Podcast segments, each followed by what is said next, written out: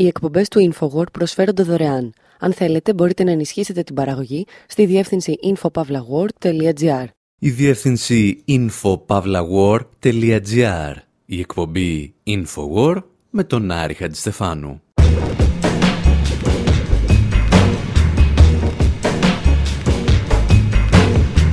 Όπου σήμερα συνειδητοποιούμε ότι στα 13 και πλέον χρόνια αυτής της εκπομπής δεν έχουμε κάνει ένα αφιέρωμα στην πολιτική ψυχή των Massive Attack και ας ακούμε διαρκώς τις μουσικές τους σαν χαλί. Τους θυμηθήκαμε στην προηγούμενη εκπομπή όταν συζητούσαμε για το Bristol της δεκαετίας του 80, το οποίο γέννησε μεταξύ άλλων τα Apartheid Free Zones τις ελεύθερες ζώνες που αμφισβητούσαν το Απαρτχάι της Νότιας Αφρικής και τώρα το Απαρτχάι του Ισραήλ. Σήμερα όμως τους θυμόμαστε να κάνουν μια Skype σύνδεση με μια παραλία στη Λέσβο. Τους ακούμε να τραγουδούν για μια πολυκατοικία η οποία θα μπορούσε και να τυλιχθεί στις φλόγες χωρίς κανένας να δώσει ιδιαίτερη σημασία. Μπαίνουμε μαζί τους σε ένα ανηχοϊκό θάλαμο και ακούμε έναν κατάδικο του Γκουαντάναμο που άκουγε heavy metal για δυόμιση μέρες. Θυμόμαστε τις ιστορίες που έλεγαν για το Μάη του 68 και αναρωτιόμαστε πώς κατάφεραν να τις συνδέσουν με τα Παλαιστινιακά εδάφη. Εν τέλει, διηγούμαστε ασύνδετες ιστορίες για τραγούδια ενός συγκροτήματος, το οποίο μπορεί να είναι βαθύτατα πολιτικό χωρίς σχεδόν καθόλου πολιτικούς στίχους.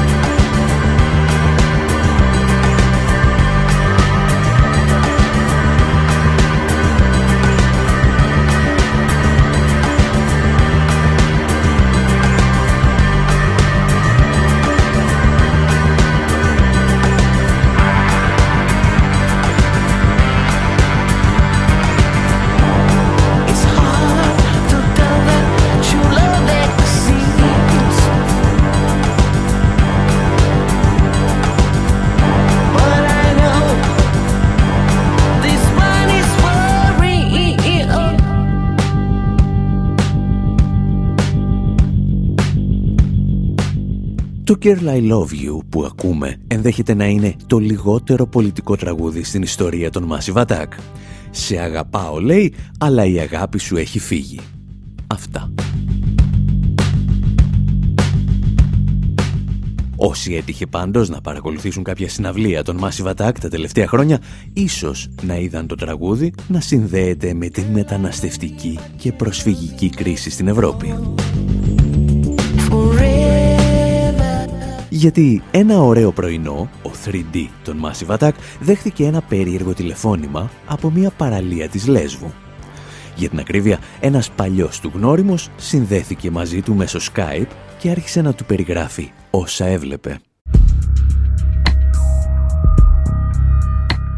Ο άνθρωπος αυτός του μίλησε για τους χιλιάδες πρόσφυγες που έφταναν κάθε μέρα σε μια μικρή παραλία. Την ίδια παραλία που κάποιες άλλες φορές ξέβραζε πτώματα παιδιών και γυναικών. Ο κύριος που καλούσε τον 3D ήταν ο φωτογράφος Giles Dooley και η προσωπική του ιστορία είναι εξίσου συγκλονιστική με αυτή των προσφύγων που κατέγραφε. Γιατί είναι ένας από τους καλύτερους φωτογράφους στον κόσμο παρά το γεγονός ότι δεν έχει πόδια και του λείπει και το ένα χέρι. Τη δική του προσωπική ιστορία, ο Giles Dooley την διηγούνταν παλαιότερα στην Μέλισσα Φλέμινγκ από την ύπατη αρμοστία του ΟΗΕ για τους πρόσφυγες. I was in Afghanistan. I, Ήμουν στο Αφγανιστάν. Έχω μιλήσει για το γεγονός ότι δεν είμαι πολεμικός φωτογράφος. Δεν με ενδιαφέρει να φωτογραφίσω ανθρώπους να πυροβολούν, αλλά με ενδιαφέρει πολύ το τι συνέβαινε εκείνη την εποχή. Και αυτό ήταν πως περισσότεροι Αμερικανοί στρατιώτες αυτοκτονούσαν από αυτούς που στην πραγματικότητα πέθαναν στο Αφγανιστάν. Ήθελα να προσπαθήσω να το καταλάβω αυτό. Ω τμήμα αυτής της προσπάθειας, ενσωματώθηκα σε μια ομάδα Αμερικανών στρατιωτών.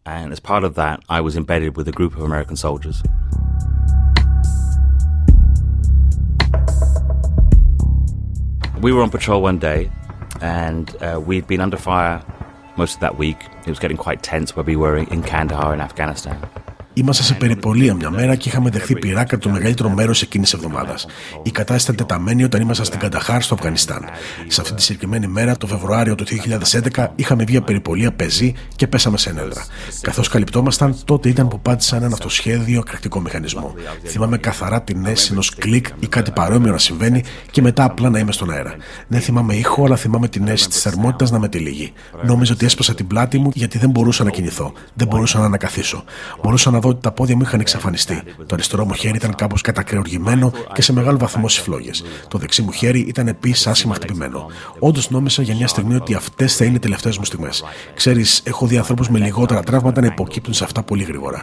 Δεν ένιωθα τεράστιο ποσό πόνο. Ξάπλωνα εκεί ανάσκελα. Θυμάμαι πως κοιτούσα ένα δέντρο. Ήταν ένα όμορφο αφγανικό ανοιξιάτικο πρωινό.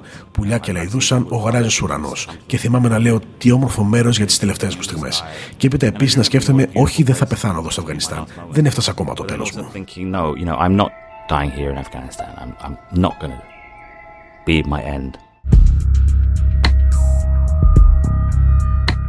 Ο Giles Dooley θα χάσει λοιπόν τα δύο του πόδια και το ένα του χέρι, αλλά θα μετατραπεί σε έναν από τους καλύτερους φωτογράφους που έχουμε δει τα τελευταία χρόνια.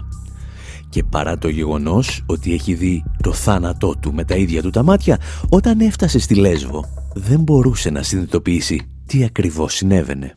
But there was something about being in Lesvos that, that moved me in a way that I haven't been moved by other projects I've done. And I'm not sure if it was because it was in Europe, which was quite shocking. Υπήρχε κάτι στη Λέσβο που με συγκίνησε με τρόπο που δεν μου είχε ξανασυμβεί σε άλλες αποστολές. σω επειδή όλα συνέβαιναν στην Ευρώπη. Έβλεπα εικόνες που είχα συνηθίσει να βλέπω σε άλλες χώρες. Έβλεπα παιδιά να πεθαίνουν στις παραλίες της Ευρώπης. Κυρίως όμως ήταν η κλίμακα στην οποία συνέβαιναν όλα. Δεν περίμενα ότι θα έβλεπα 7.000 ανθρώπους να καταφθάνουν καθημερινά σε μια μικρή παραλία.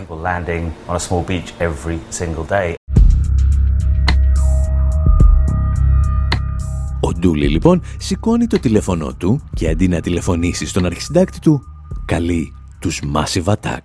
I was really moved and very emotional about what was happening. I was like,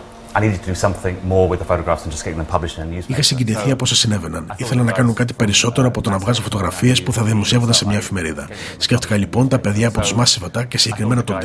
Τον κάλεσα μέσω Skype από την παραλία και του περιέγραψα όσα έβλεπα. Και το ρώτησα τι μπορούμε να κάνουμε γι' αυτό.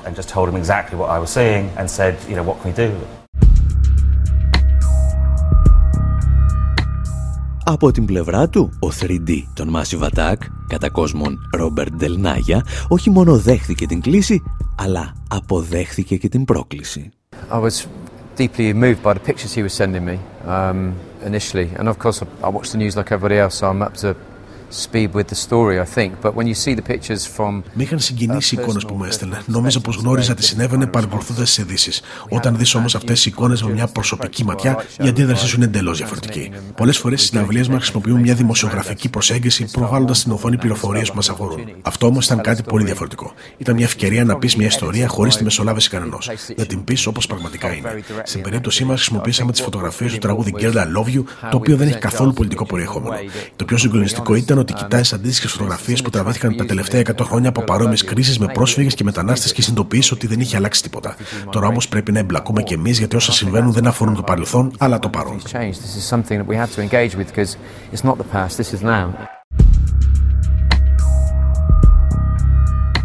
Αυτό που θα κάνει πραγματικά τη διαφορά στην ιστορία των Massive Attack με τη Λέσβο είναι από τη μία το μέγεθος της κρίσης, αλλά από την άλλη η ματιά ενός συγκεκριμένου φωτογράφου. Ενός ανθρώπου που κάποια στιγμή στη ζωή του συνειδητοποίησε ότι το να είσαι φωτορεπόρτερ και να καλύπτεις πολεμικές συγκρούσεις δεν σημαίνει να βγάζεις φωτογραφίες κάτι τύπους με όπλα. My concern right from the beginning was what happens to the civilian populations caught up in war. What happens to the people who are η ανησυχία μου από την αρχή ήταν τι γίνεται στον άμαχο πληθυσμό που εγκλωβίζεται σε ένα πόλεμο. Τι συμβαίνει στους ανθρώπους που βρίσκονται στη θέση να διεξάγεται μια μάχη γύρω τους. Ξέρεις, ακόμα νομίζω πως είναι σχεδόν αδύνατο να φωτογραφίσεις πολέμους χωρίς με κάποιον τρόπο να τους ισορροπήσει. Το γνωρίζω από τη δική μου εμπειρία, καθώς σαν παιδί, αν έβλεπα εικόνες από τον πόλεμο του Βιετνάμ ή από τα Φόκλαντς, νόμιζα πως ήταν τέλειο. Πως ήταν θαυμάσιο, ήταν άνθρωποι με όπλα. Δεν βλέπεις τον δρόμο. Κατάλαβα ότι αυτό έπρεπε να κάνω. Η δουλειά μου ήταν να προσπαθήσω να δείξω το πραγματικό πρόσωπο του τι είναι η σύγκρουση και τι κάνει οικογένειες, τις κοινωνίες και τα άτομα. And what it does to families, communities, individuals.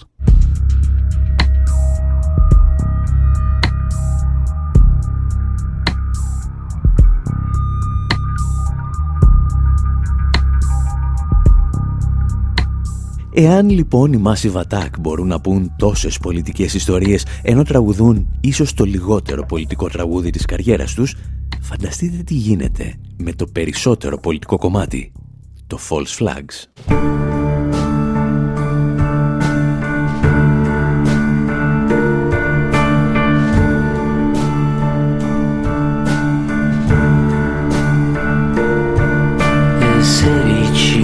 up clueless blues Paste of views in no man's news Blades will fade from blood to sport Your heroines cut these fuses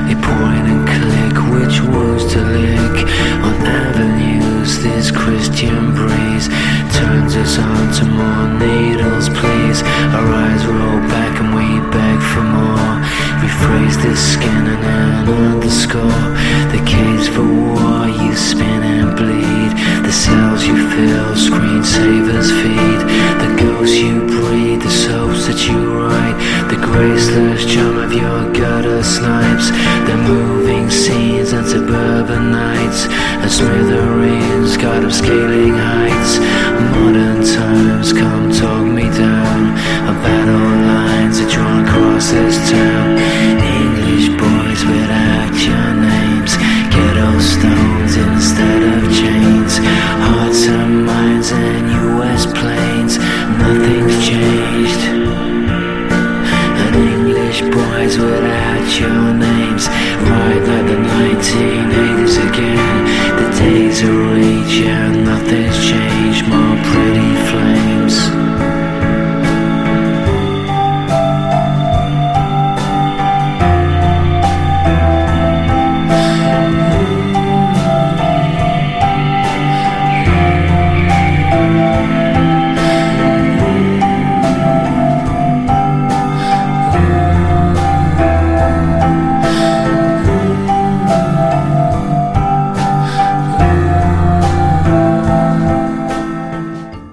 ακούσει πολλές φορές το false flags όταν αναφερόμαστε σε επιχειρήσεις προβοκάτσιας. Γιατί false flag ονομάζεται μια μυστική επιχείρηση στην οποία ο δράστης προσποιείται ότι είναι κάποιος άλλος για να αποδώσει εκεί τις ευθύνες και να πυροδοτήσει εξελίξεις. Συνήθως για να ξεκινήσει έναν πόλεμο. Στην πραγματικότητα βέβαια το τραγούδι δεν έχει σχεδόν καμία σχέση με το συγκεκριμένο θέμα. Αυτό που κάνει είναι να συνδέει το Μάη του 68 με τις εξεγέρσεις στα προάστια του Παρισιού την πρώτη δεκαετία του 21ου αιώνα. Παρεπιπτόντως το τραγούδι περνάει αν πασάν, όπως θα έλεγαν και οι σκακιστές, και από τις λεγόμενες ημέρες της οργής, την μεγάλη εξέγερση που πραγματοποιήθηκε στις 8 Οκτωβρίου του 1969 στο Σικάγο. Ήταν η στιγμή που η επαναστατική αριστερή οργάνωση Weather Underground δήλωσε ότι βρίσκεται σε κατάσταση πολέμου με την κυβέρνηση των Ηνωμένων Πολιτειών.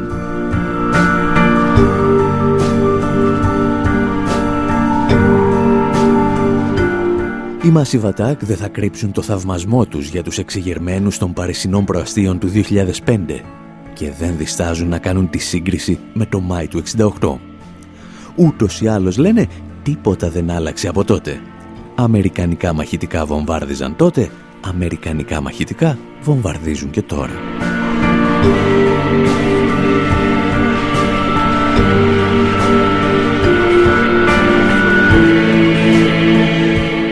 Το τραγούδι πάντως θα αποκτήσει τη δική του ανεξάρτητη ζωή, η οποία ξεπερνά τις ιστορίες για τις εξεγέρσεις της δεκαετίας του 60 και του 2000.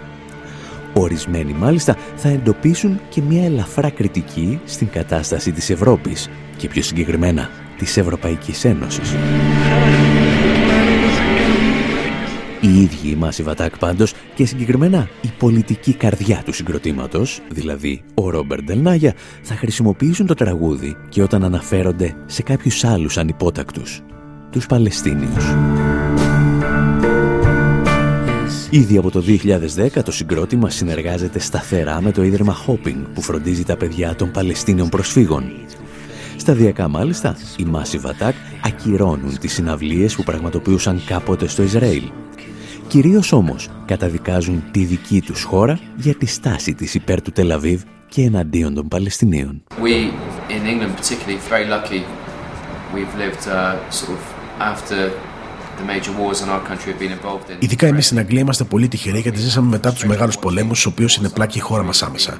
Εξοργιζόμαστε όμως βλέποντας τους πολέμους, στους οποίους συνεπλάκει έμεσα. Στο όνομα της δημοκρατίας, η χώρα μας επιβάλλει πολιτικές σε άλλες περιοχές και αυτό δεν μου φαίνεται καθόλου δημοκρατικό. Δεν νομίζω, ας πούμε, ότι μας φαίνεται και τόσο δημοκρατικός ο τρόπος με τον οποίο αντιμετωπίζει την κατάσταση των Παλαιστινίων.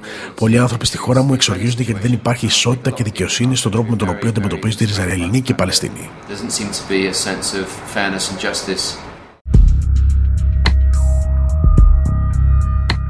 Εμείς πάλι κάπου εδώ θα κάνουμε ένα διάλειμμα και από ιστορίες για Σύρους πρόσφυγες στη Λέσβο και Παλαιστίνιους πρόσφυγες στη Μέση Ανατολή θα μιλήσουμε για κάτι άσχημα κτίρια με έμπνευση από τον Λεκορμπιζιέ αλλά και για κάποια δωμάτια όπου ο ήχος δεν έχει επιστροφή. Πάντα με τη βοήθεια των Massive Attack.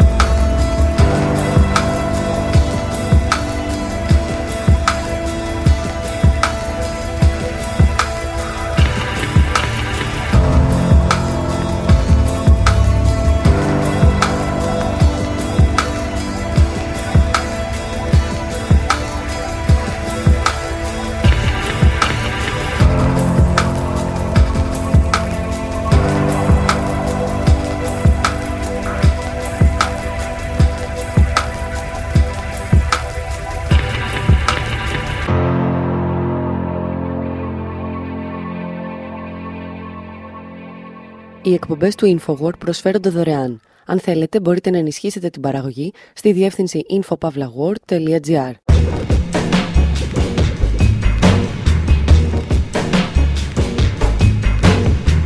Εκπομπή InfoWord συνέχεια.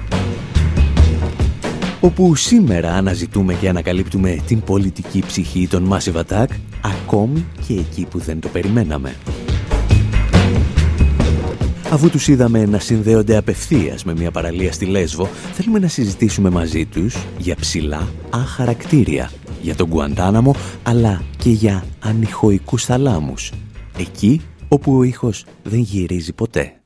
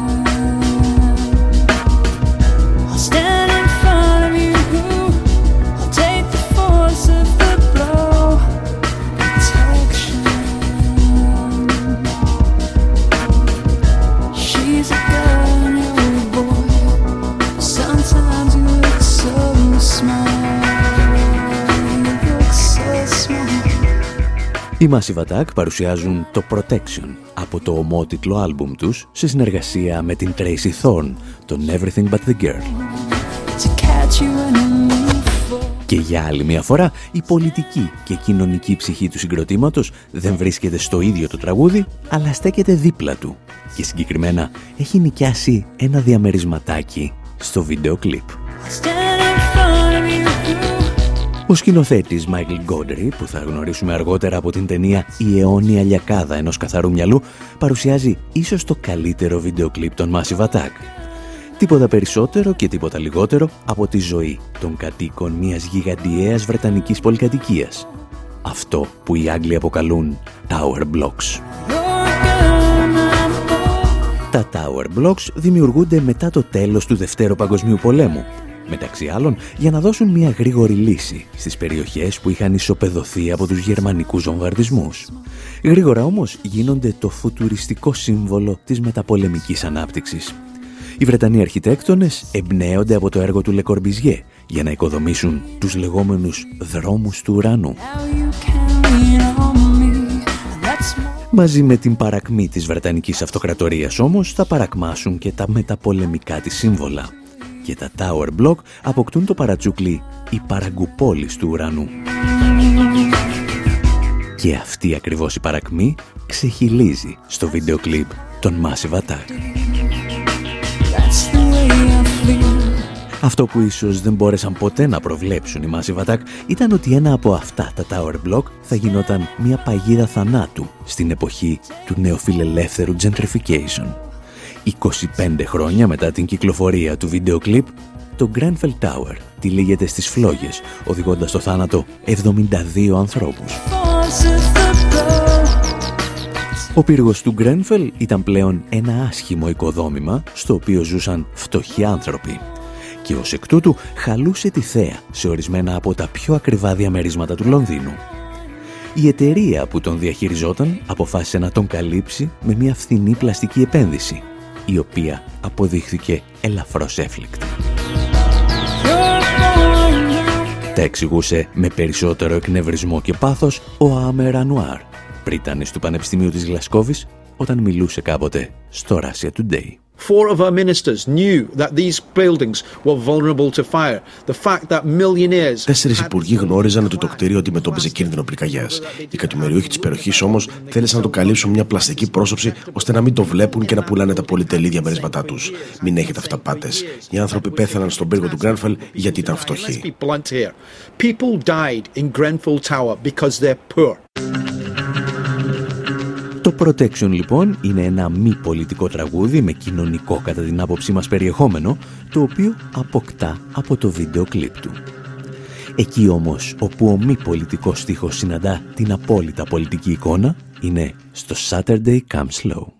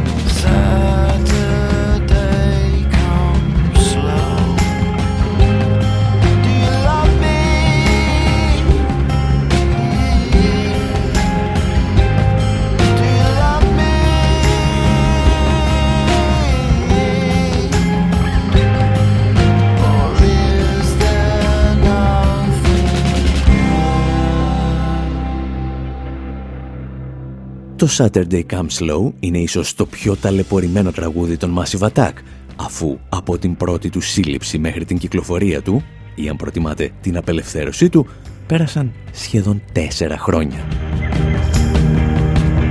Και αν σκέφτεστε ότι και να μην είχε κυκλοφορήσει δεν θα είχε διαταραχθεί και ο μουσικός πολιτισμός, μάλλον ξεχνάτε το βίντεο κλιπ, γιατί έχει και αυτό να μας πει μερικές συγκλονιστικές ιστορίες. Saturday comes slow.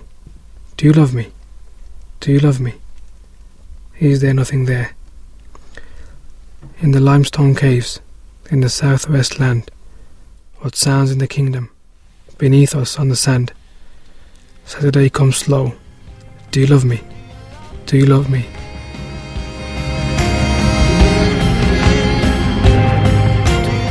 Ο νεαρός που ακούτε να διαβάζει τους στίχους του τραγουδιού ονομάζεται Ρουχάλ Αχμέντ και ήταν κρατούμενος στο κολαστήριο του Γκουαντάναμο χωρίς ποτέ να του απαγγελθούν κατηγορίες. Σημασία όμως δεν έχει μόνο τι λέει ο Αχμέντ, αλλά πού τα λέει. Ο σκηνοθέτης του βίντεο κλιπ τον τοποθετεί σε έναν από τους λεγόμενους ανηχοικούς θαλάμους του Πανεπιστημίου του Κέμπριτζ. Πρόκειται για ένα καλά ηχομονωμένο χώρο στον οποίο δεν μπορεί να υπάρξει καμία ανάκλαση του ήχου και ο ακροατής έχει την αίσθηση ότι βρίσκεται σε ένα δωμάτιο το οποίο επεκτείνεται επάπειρον προς τις τρεις διαστάσεις. Ο Αχμέντ από την άλλη είχε ακριβώς το αντίθετο πρόβλημα. Πέρασε σχεδόν δυόμιση χρόνια από τη ζωή του σε δωμάτια όπου δεν μπορούσε καν να περπατήσει. There was nothing much to listen to except the wind. I would listen to the wind. We was always chained except in our cell. Δεν υπήρχαν πολλά πράγματα να κάνεις εκτός από το να απολαμβάνεις τον άνεμο. Ήμασταν πάντα λισοδεμένοι εκτός από όταν ήμασταν στο κελί μας. Προφανώς το κελί ήταν πολύ μικρό, οπότε δεν μπορούσες στα αλήθεια να περπατήσεις και απλά καθόσουν. Αλλά κάθε φορά που φεύγαμε από το κελί μας, θα μας αλυσόδεναν για ανάκριση ή για ιατρική εξέταση ή για τον ντους ή στην περιοχή αναψυχής. Οπότε κάθε φορά που βγαίναμε, τα χέρια μας ήταν δεμένα με χειροπέδες στο μάχη μας και τα πόδια μας θα ήταν σε δεσμά και έπρεπε να κάνουμε πολύ μικρά βήματα, έπρεπε να σέρουμε τα πόδια μας για να περπατήσουμε σαν πιγκουίνι um, very small steps, like we had to shuffle to walk like a penguin. Οι Massive Attack λοιπόν τοποθετούν έναν κρατούμενο του Γκουαντάναμο σε ένα ανηχοϊκό θάλαμο και αυτός τους διηγείται πώς περνούσε η ζωή του με τα βασανιστήρια ήχου που πραγματοποιούσαν οι Ηνωμένες Πολιτείες εναντίον του. We would be taken to interrogation in a booth which would be probably like two and a half meters by two and a half meters. The room Μας έπαιρναν για ανάκριση σε ένα θάλαμο περίπου 2,5 επί 2,5 μέτρα. Το δωμάτιο έχει κλιματιστικό πάτωμα από λινοτάπητα και μια πλαστική καρέκλα. Στο πάτωμα υπήρχε ένας γάτζος. Έβαζαν τις αλυσίδες σε αυτό το γάτζο και την κλείδωναν. Οπότε σε ανάγκαζαν να είσαι καμπουριασμένος και σε άφηναν. Στην περίπτωσή μου, το μεγαλύτερο διάστημα που πέρασα εκεί ήταν νομίζω 2,5 μέρες. Με πολύ δυνατή μουσική είχαν το κλιματιστικό αναμένο στο τέρμα. Οπότε έκανε παγωνιά. Και ταυτόχρονα έρχονταν και με ανέκριναν, πιθανόν να σε χτυπούσαν, να σε κλωτσούσαν, να σου έφαναν σκυλιά να γαβγίζουν στο πρόσωπό σου και βασικά έπαιζαν heavy metal μουσική για δυόμιση μέρες. Και επιπλέον ήμουν σε απομόνωση για πέντε μήνες. Um, and on top of that, I was isolated for five months. Το βίντεο κλιπ των Massive Attack μετατρέπεται σταδιακά σε ένα μίνι ντοκιμαντέρ. Μεταξύ άλλων, τεχνικοί ήχου εξηγούν ότι τα ηχεία που χρησιμοποιούσαν οι Αμερικανοί βασανιστές προκαλούσαν εσκεμμένα παραμορφώσεις, γεγονός που μετετρεπέ οποιαδήποτε ακρόαση σε ένα φρικτό βασανιστήριο. Ο Αχμέτ όμως κάποια μέρα θα αφαιθεί ελεύθερος και όπως συμβαίνει με πολλούς κρατούμενους θα πρέπει να μάθει και πάλι να ακούει, να αγγίζει ανθρώπους και να περπατάει.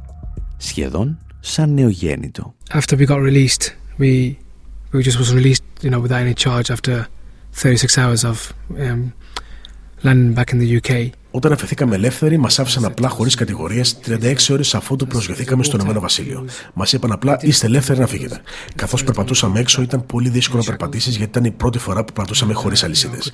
Μπορούσα να κάνω πλήρη βήματα που το ένιωθα πολύ περίεργο. Επίσης το γεγονός ότι για δυόμιση χρόνια δεν είχα αληθινή επαφή με κάποιον άνθρωπο, δεν είχα κουμπίσει, αγκαλιάσει ή κάνει χειραψία με κάποιον. Αυτό ήταν κάτι πολύ καινούργιο για μένα και ας είναι κάτι που έκανα τα τελευταία 20 χρόνια της ζωής μου. Αυτά τα δυόμιση χρόνια μου πήραν τα πάντα you know, 20 years of my life. But those two years took everything away. Οι Massive Attack λοιπόν κάνουν πολιτική ακόμη και όταν οι στίχοι τους δεν το αποκαλύπτουν. Ακόμη και όταν μπορεί να διαφωνείς με την προσέγγισή τους. Τελευταίο τραγούδι και τελευταία ιστορία της εκπομπής, το Eurochild, που μπορεί να γράφτηκε αλλά μπορεί και να μην γράφτηκε για την Ευρωπαϊκή Ένωση.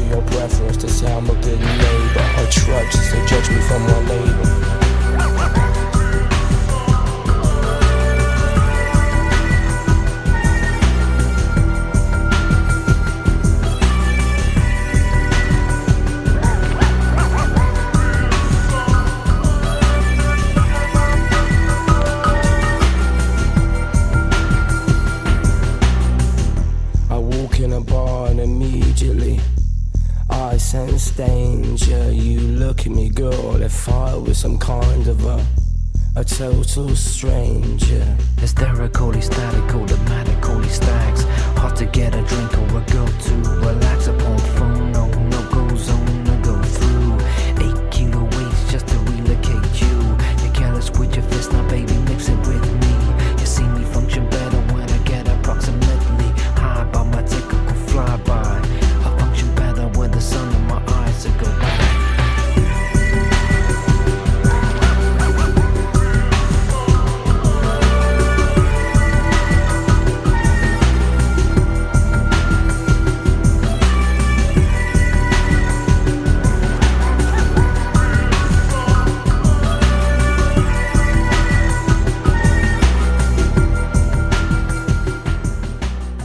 Έχουν περάσει 25 χρόνια από τη στιγμή που ο 3D λέγεται ότι κάθισε πίσω από την σκηνή ενός φεστιβάλ μαζί με τον Τρίκη. Οι ίδιες πληροφορίες αναφέρουν ότι δεν είχαν και την μεγαλύτερη διάβγεια λόγω διαφόρων ουσιών και κατέληξαν να γράψουν δύο τραγούδια, το Karma Coma και το Eurochild που ακούμε. Και έκτοτε αρκετοί προσπαθούν να συνδέσουν το Eurochild με την Ευρωπαϊκή Ένωση. Εμείς πάλι από όλο το τραγούδι θυμόμαστε περισσότερο ότι ο Τρίκη είχε κλέψει μερικά στιχάκια από το τραγούδι Blank Expression των Specials. Τους οποίους Specials ο ίδιος παρουσιάζει ίσως σαν την μεγαλύτερη έμπνευση της καριέρας του. Το τραγούδι θα εξαφανιστεί, τουλάχιστον με αυτή τη μορφή, από τις συναυλίες από το 1999. Θα κάνει όμως την επανεμφάνισή του το καλοκαίρι του 2016, μόλις ένα μήνα μετά το δημοψήφισμα του Brexit. Ο Τρίκη ανεβαίνει στη σκηνή μαζί με τον 3D και μεταξύ άλλων λένε ότι δεν φαντάζονταν ποτέ πως θα έπαιζαν το Eurochild σαν Requiem και αυτή τη φορά αναφέρονται πέραν πάσης αμφιβολίας στην Ευρωπαϊκή Ένωση. Βλέπετε, ως Βρετανοί πολίτες, οι Massive Attack στήριξαν την παραμονή της χώρας τους στην Ευρωπαϊκή Ένωση. Παρά το γεγονός ότι λίγα χρόνια νωρίτερα έστελναν μηνύματα στην Ελλάδα καταδικάζοντας την ίδια ακριβώς Ένωση.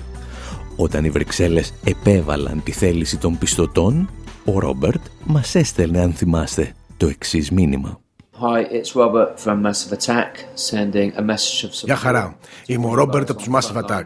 Από τη δική μας κοινότητα εδώ στο Bristol στέλνω ένα μήνυμα αλληλεγγύης. Σας στηρίζουμε σε ό,τι κάνετε. Μην τους αφήσετε να πάρουν ό,τι δεν είναι δικό τους. Δεν πρέπει να πληρώσει το χρέος που δεν είναι δικό σας. Μην τους αφήσετε να ξεπολύσουν και να δεσμεύσουν τη γη που ανήκει σε εσάς και στις μελλοντικές γενιές. Σας αγαπάμε και σας σεβόμαστε. Δίνετε μια μάχη για όλους εμάς. Over.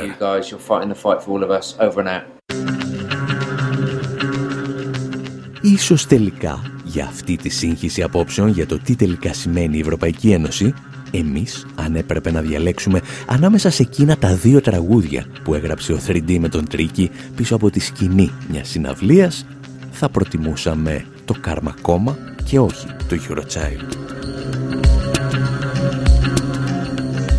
Ούτως ή άλλως, μια διασκευή του από τον Άγγλ αποτελεί το σήμα αυτής εδώ της εκπομπής για περισσότερο από μία δεκαετία.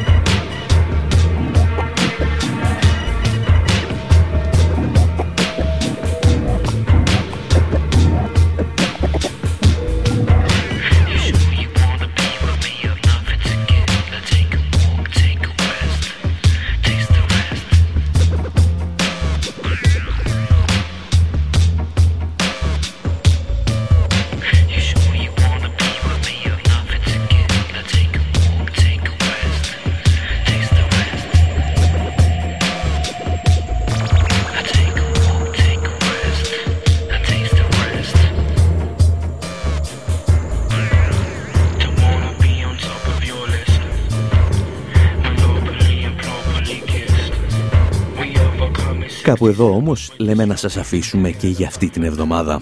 Από τον Άρη Χατζηστεφάνου στο μικρόφωνο, τον Ανδρέα Κοσιάρη στις μεταφράσεις και τον Δημήτρη Σταθόπουλο στην τεχνική επιμέλεια, γεια σας και χαρά σας.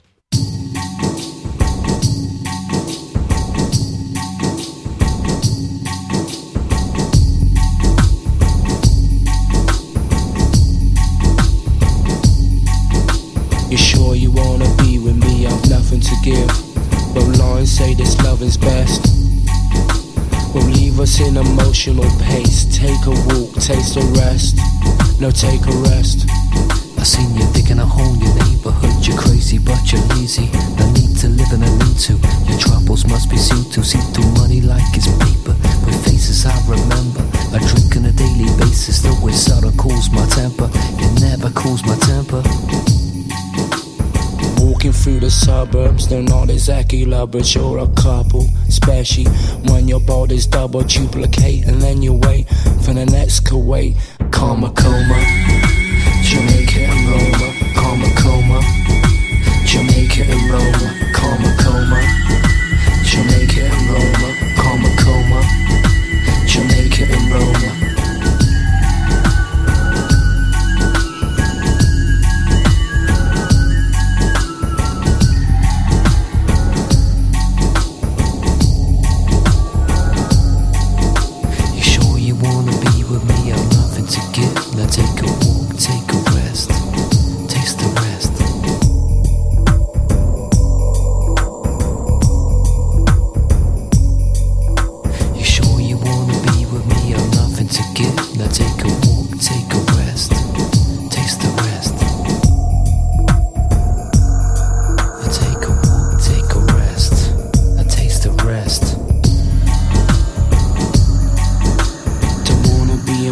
Of your list.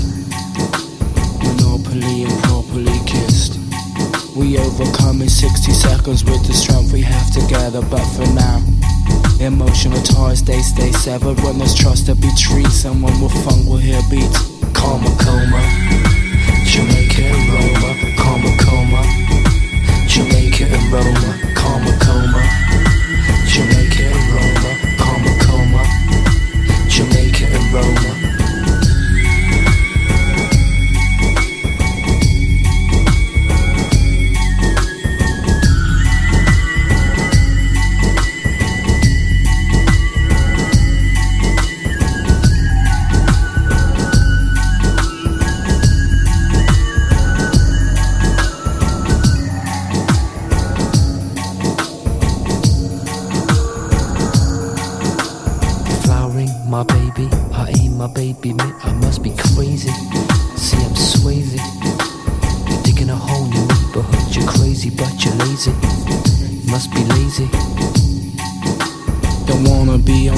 Of your list.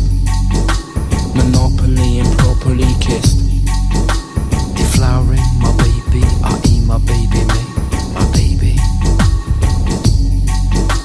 Deflowering my baby, i.e. my baby mate. I must be crazy. You must be lazy. Karma coma. What? Jamaica and Roma. Karma coma. What? Jamaica and Roma. Karma coma. What?